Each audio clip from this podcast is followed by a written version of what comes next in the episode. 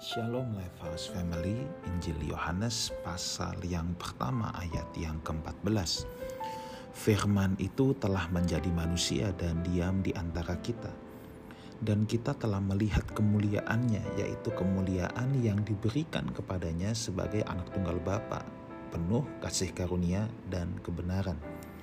Saudaraku, Yohanes uh, pasal yang pertama ini bicara tentang Yesus Kristus yang pada mulanya Allah anak itu adalah firman.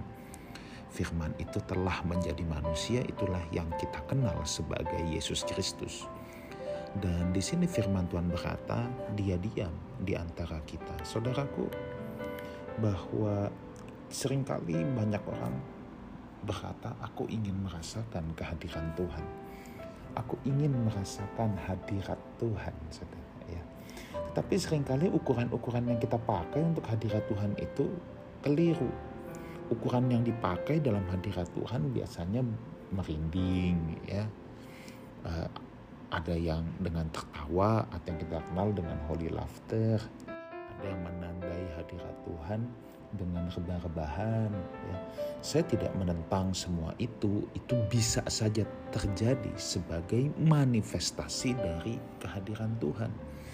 Tetapi manifestasi semua manifestasi itu adalah sifatnya temporal, saudara. Nah, sebenarnya kalau kita mau betul-betul merasakan kehadiran Tuhan, di sini sudah ada kuncinya di ayat yang ke-14, firman itu telah menjadi manusia dan diam di antara kita. Nah, kita mau hadirat Tuhan senantiasa ada di tengah-tengah kita. Kita nggak punya jalan lain. Selain firman juga ada di dalam kita kalau kita tidak suka merenungi firman Tuhan, kita nggak suka baca Alkitab, kita akan sulit merasakan, menikmati tuntunan dari dalam bahwa hadirat Tuhan itu ada di tengah-tengah kita, bahkan ada di dalam kita. Kemudian kita akan terus menjadi orang Kristen kanak-kanak yang terus mencari manifestasi daripada pribadi Tuhan itu sendiri. Again ya, kita tidak perlu menentang manifestasi apa pun. Manifestasi itu bisa dinyatakan. Tetapi apa yang saya mau bagikan kepada kita semua pada kesempatan ini adalah firman itu yang menjadi esensi ya, yang harus ada di dalam kita. Kalau dia tidak diam di dalam kita, kita akan rapuh. Sebab inilah kesadaran ilahi dari dalam kesadaran dari dalam.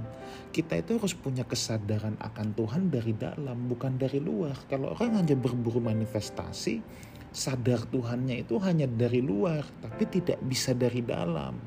Tetapi yang benar itu kan kesadaran akan Tuhan itu harus dari dalam kalaupun ada manifestasi itu hanya adalah konfirmasi, hanya adalah pelengkap. Tidak ada pun tidak menjadi masalah selama kita punya sadar Tuhan dari dalam, kesadaran akan hadirat Tuhan dari dalam. Maka dalam segenap langkah hidup kita, saudaraku ya, kita akan berjalan bersama hadiratnya. Nah sedangkan orang kalau hanya sadar Tuhan dari luar, ya, itu begitu manifestasi-manifestasi tidak ada dekat dengan dia, ya dia bisa hidup seenaknya, hidup hidup dalam dosa dan lain sebagainya. Itu sebabnya mari Lifehouse Family, yuk kita jadi dewasa, kita tidak bergantung apa yang dari luar, tetapi kesadaran akan Tuhan kita harus dari dalam. Bermula dari mana? Firman itu telah menjadi manusia dan diam di antara kita. Tanpa hal ini, kita akan sulit untuk mengenali kehadiran Tuhan dalam hidup kita. Tuhan Yesus menyertai kita semua. Amin.